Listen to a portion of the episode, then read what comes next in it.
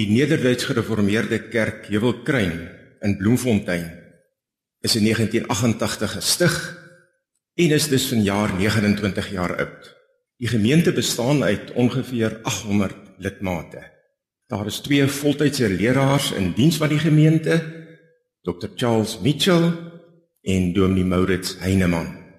Die orgelis van die gemeente is Dr Jan Bekes en hy is ook artistieke hoof van musiek aan die Universiteit van die Vrystaat. As draers van die lig is die gemeente betrokke by verskeie uitreikaksies ook buite die grense van die gemeente na die Oos-Vrystaat, die Suid-Vrystaat en sover as Namibië. Kom ons word nou stil in die teenwoordigheid van die Here.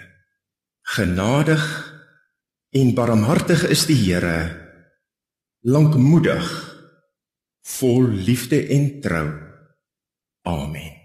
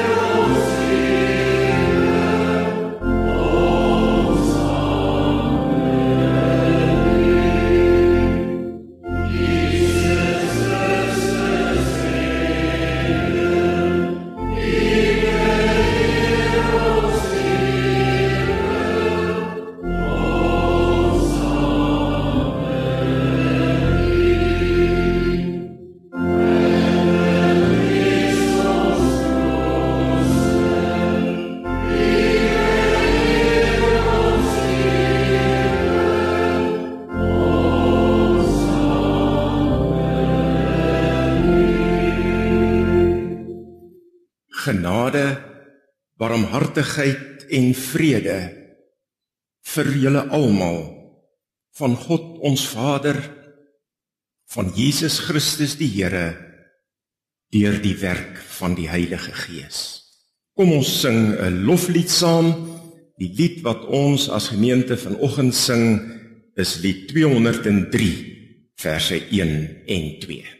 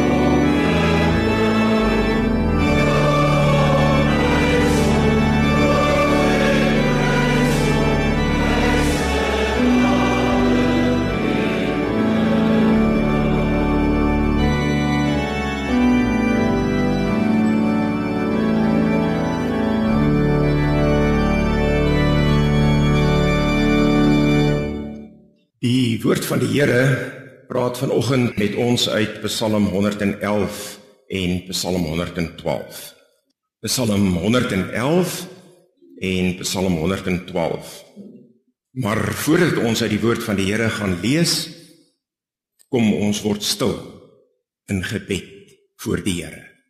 Here onsse God, ons roep U vanoggend aan as ons Vader wat in die hemel is.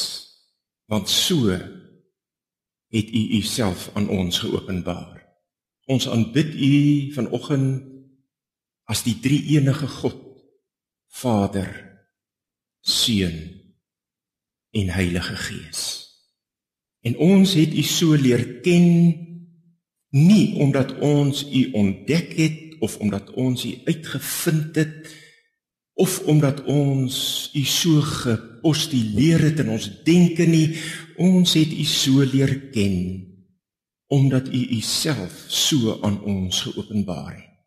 Die inisiatief vir die verhouding tussen u en ons het van u kant af gekom en daarvoor loof en prys ons u in hierdie oggend. Here ons dankie dat u met ons praat deur u woord Dit is telkens ons belewenis dat ou bekende vertroude gedeeltes uit die Bybel telkens nuut met ons praat.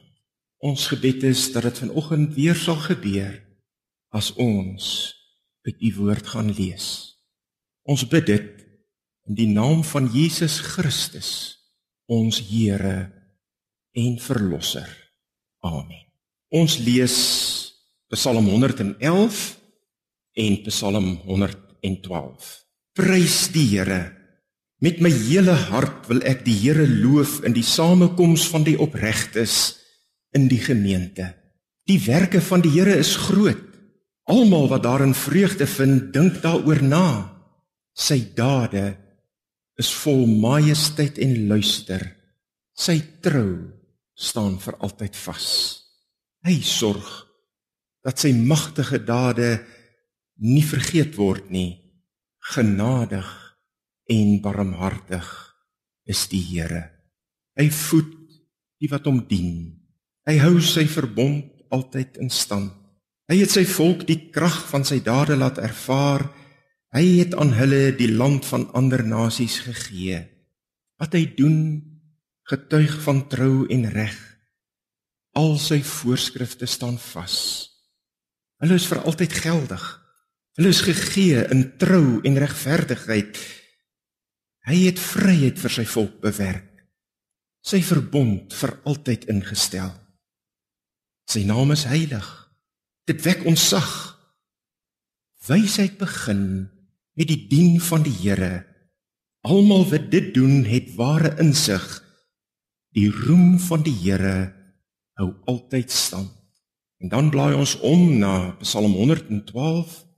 Prys die Here. Dit gaan goed met elkeen wat die Here dien. Wat al sy vreugde vind in die gebooie van die Here. Sy nageslag is 'n sterk krag in die land. Die nageslag van die opregte word geseën. Daar is oorvloed en rykdom in sy huis. Wat hy doen is reg en blywend. Hy laat sy lig in die donker uitstraal vir die opregtes. Hy is genadig, barmhartig en regverdig. Dis 'n goeie mens wat hom ontferm en wat uitleen en in al sy sake reg optree.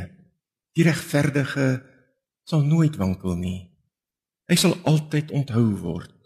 Vir slegte tyding is hy nie bevrees nie. Hy is gerus. Hy vertrou op die Here. Hy voel hom veilig. Hy's nie bevrees nie. Hy sal die neerlaag van sy vyande aanskou. Hy gee mildelik aan die armes. Wat hy doen is reg en blywend. Hy geniet hoë aansien. Goddelose sien dit en raak ontstel. Hy kners op sy tande van magteloosheid. Van die begeertes van die goddelose kom daar niks. Hier eindig die skriflesing van vanoggend. Gemeente van die Here Jesus Christus, ons leef in 'n harde omgewing. Die druk om te presteer is hoog. Jy moet suksesvol wees. Daar is weinig simpatie met mislukking. Professionaliteit duld nie foute nie. Standaarde is hoog. Baie van ons werk harder as wat ons moet of hoef te werk. Ons werk vir die trofee wat aan ons oorhandig kan word en wat dit meetbaar wys. Ons maak dit. In die kerk is dit anders. In die kerk weet ons ons is mense wat juis nie presteer nie. Ons is mense wat juis nie suksesvol is nie. Trouwens, ons misluk keer op keer. Ons maak foute. Psalm 111 en Psalm 112 is 'n tweelingpsalm wat by mekaar hoort. En hierdie tweelingpsalm het vir ons 'n boodskap vir ons wat gelowiges is, wat foute maak, wat soms misluk, wat voel ons kom net nie die mas op nie. Daar is twee aksente in hierdie Psalm. Aan die een kant sê hierdie Psalm dit helder en duidelik: gelowiges leef vanuit God se genade. In Psalm 4 sê die psalmdigter: genadig en barmhartig is die Here. Dis sy ervaring, dis sy belewenis. En dit is Bybelse kom ons sê ook kerklike woorde wat hy gebruik. Dis woorde wat ons so goed ken, maar dit is ongelukkig ook woorde wat lei onder inflasie. En ons weet wat inflasie doen. Inflasie verminder die waarde van geld.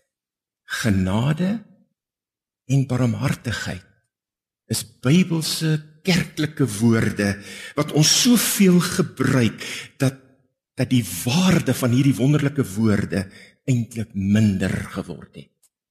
Wat beteken genade? Genade beteken dat die Here met guns na ons kyk. Die Here kyk met welwillendheid, toegeneentheid, goedgesindheid, hartlikheid met 'n positiewe blik na ons. Kyk God na ons. Wat beteken dit dat die Here barmhartig is? Dat die Here barmhartig is beteken dat hy met deernis, met medelee, met empatie na ons kyk. As die Here na ons kyk, kry hy ons eintlik jammer. Soos wat 'n ongebore baba veilig in die baarmoeder van sy of haar ma is, so omvou die Here ons met sy deernis, met die empatie wat hy het met ontferming, met beskerming. Dit is wat die woord barmhartigheid wil sê. Mense ook ons sê God se genade en barmhartigheid is eintlik uitdrukkings, konkrete vergestaltings van God se liefde vir ons. Maar die Here se genade en barmhartigheid is ook meer as net woorde en begrippe. God se genade, God se barmhartigheid word ook dade. In vers 5 van hierdie Psalm lees ons hy voed die wat hom dien. Dit is 'n verwysing na wat destyds met Israel gebeur het in die woestyn. En u onthou mos hoe die Here daar op 'n wonderbaarlike manier manna en kwartels vir sy volk voorsien het. In vers 6 lees ons hy het aan hulle die land van ander nasies gegee. Dit is weer 'n verwysing na die intog in die land Kanaan wat die Here aan sy volk beloof het en daardie belofte het hy nagekom. In vers 5 en in vers 9 lees ons van die verbond wat die Here met sy volk gesluit het. Kan jy sien wat die digter van hierdie Psalm besig is om te doen? Hy is besig om die dade van God se genade en barmhartigheid as dit ware een vir een op te noem. En dit sê hy is die rede waarom ons as gelowiges die Here kan loof. God se genade en barmhartigheid sien 'n mens in die geskiedenis en daarom loof ons hom. In 'n harde wêreld daar buite kan ons ons vanoggend in die ruimte van 'n erediens ons verlustig in God se genade en sy barmhartigheid. Hier hoef ons nie te presteer nie. Hier hoef ons nie goed te wees nie. Hier hoef ons nie bang te wees nie. Hier gaan ons nie veroordeel word vir wie of wat ons is nie. Hier hoef ons nie hard te werk om ons werk te behou nie. Hier hoef ons regtig niemand te beïndruk nie. En dis die rede waarom ons die Here moet loof. Hy het ons uit genade verlos. En omdat hy 'n barmhartige God is, het hy sy seun Jesus Christus laat mens word en ons kom verlos. Daar is 'n tweede aksent in hierdie Psalm. Gelowiges leef genadig. Die verband tussen Psalm 111 en Psalm 112 is met een woord merkwaardig.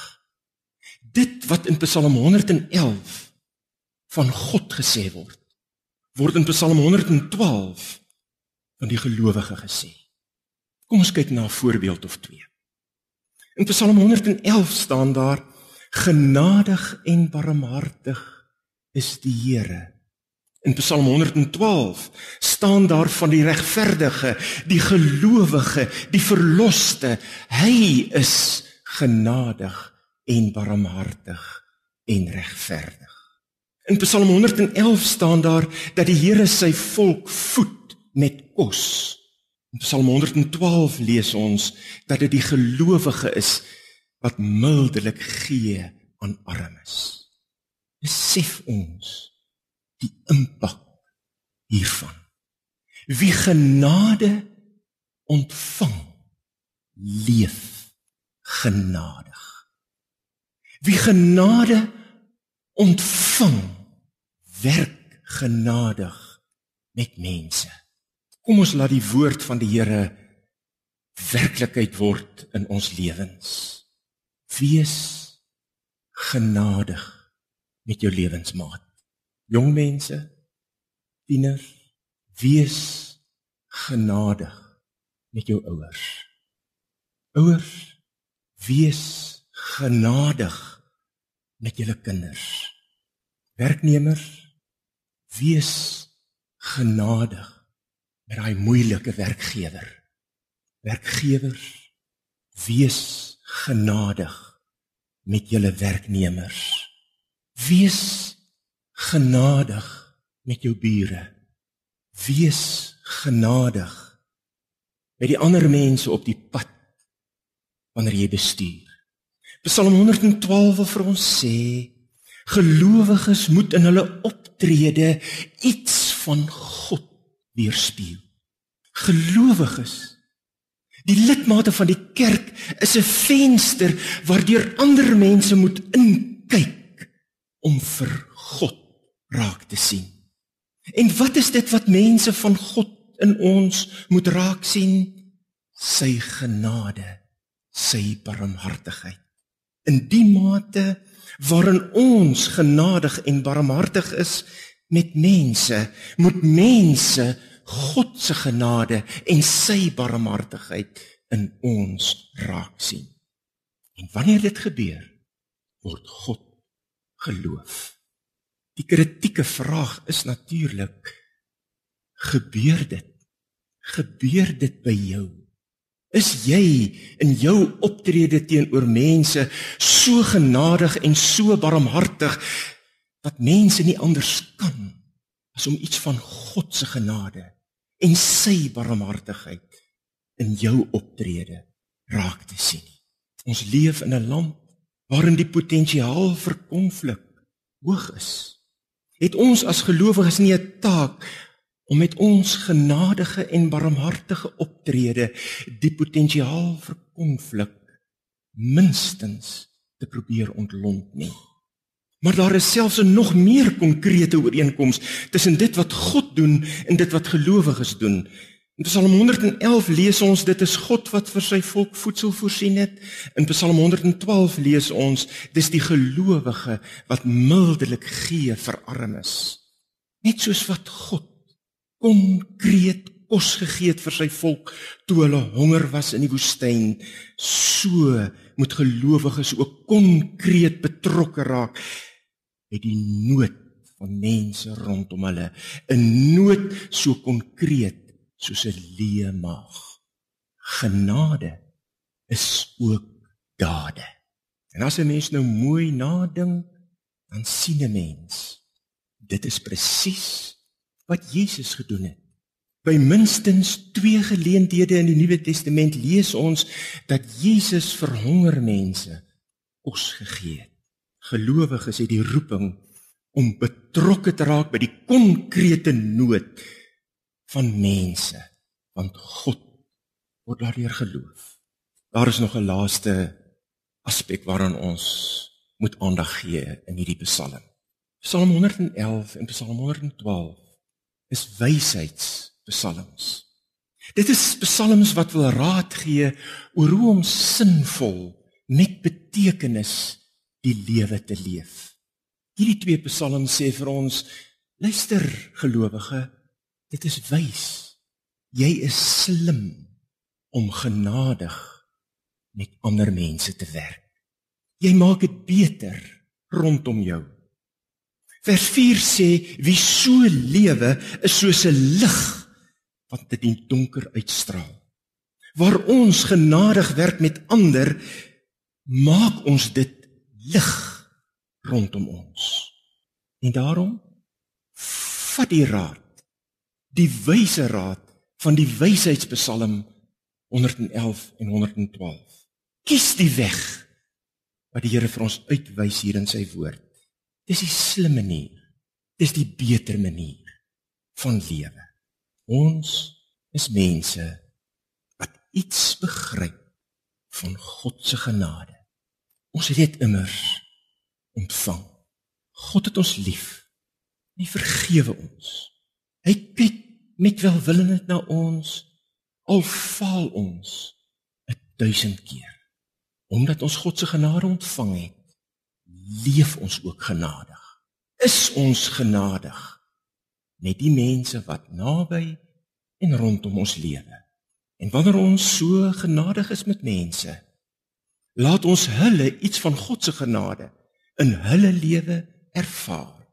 En op so 'n manier word dit beter daar waar ons lewe. Amen. Kom ons buig ons hoofde in gebed. Onse Vader, ons aanbid U as die genadige, barmhartige God, vol liefde en trou. Here, in vir ons wat aan U behoort, weet ons dit is nie maar net woorde op papier in die Bybel nie. Ons het dit aan ons eie lyf ervaar. Ons is die produk van u genade en u barmhartigheid. Diep in ons weet ons. U het ons lief. U is ons genadig.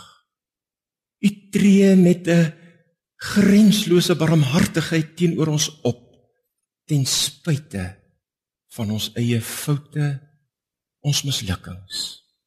Ons loof U daarvoor.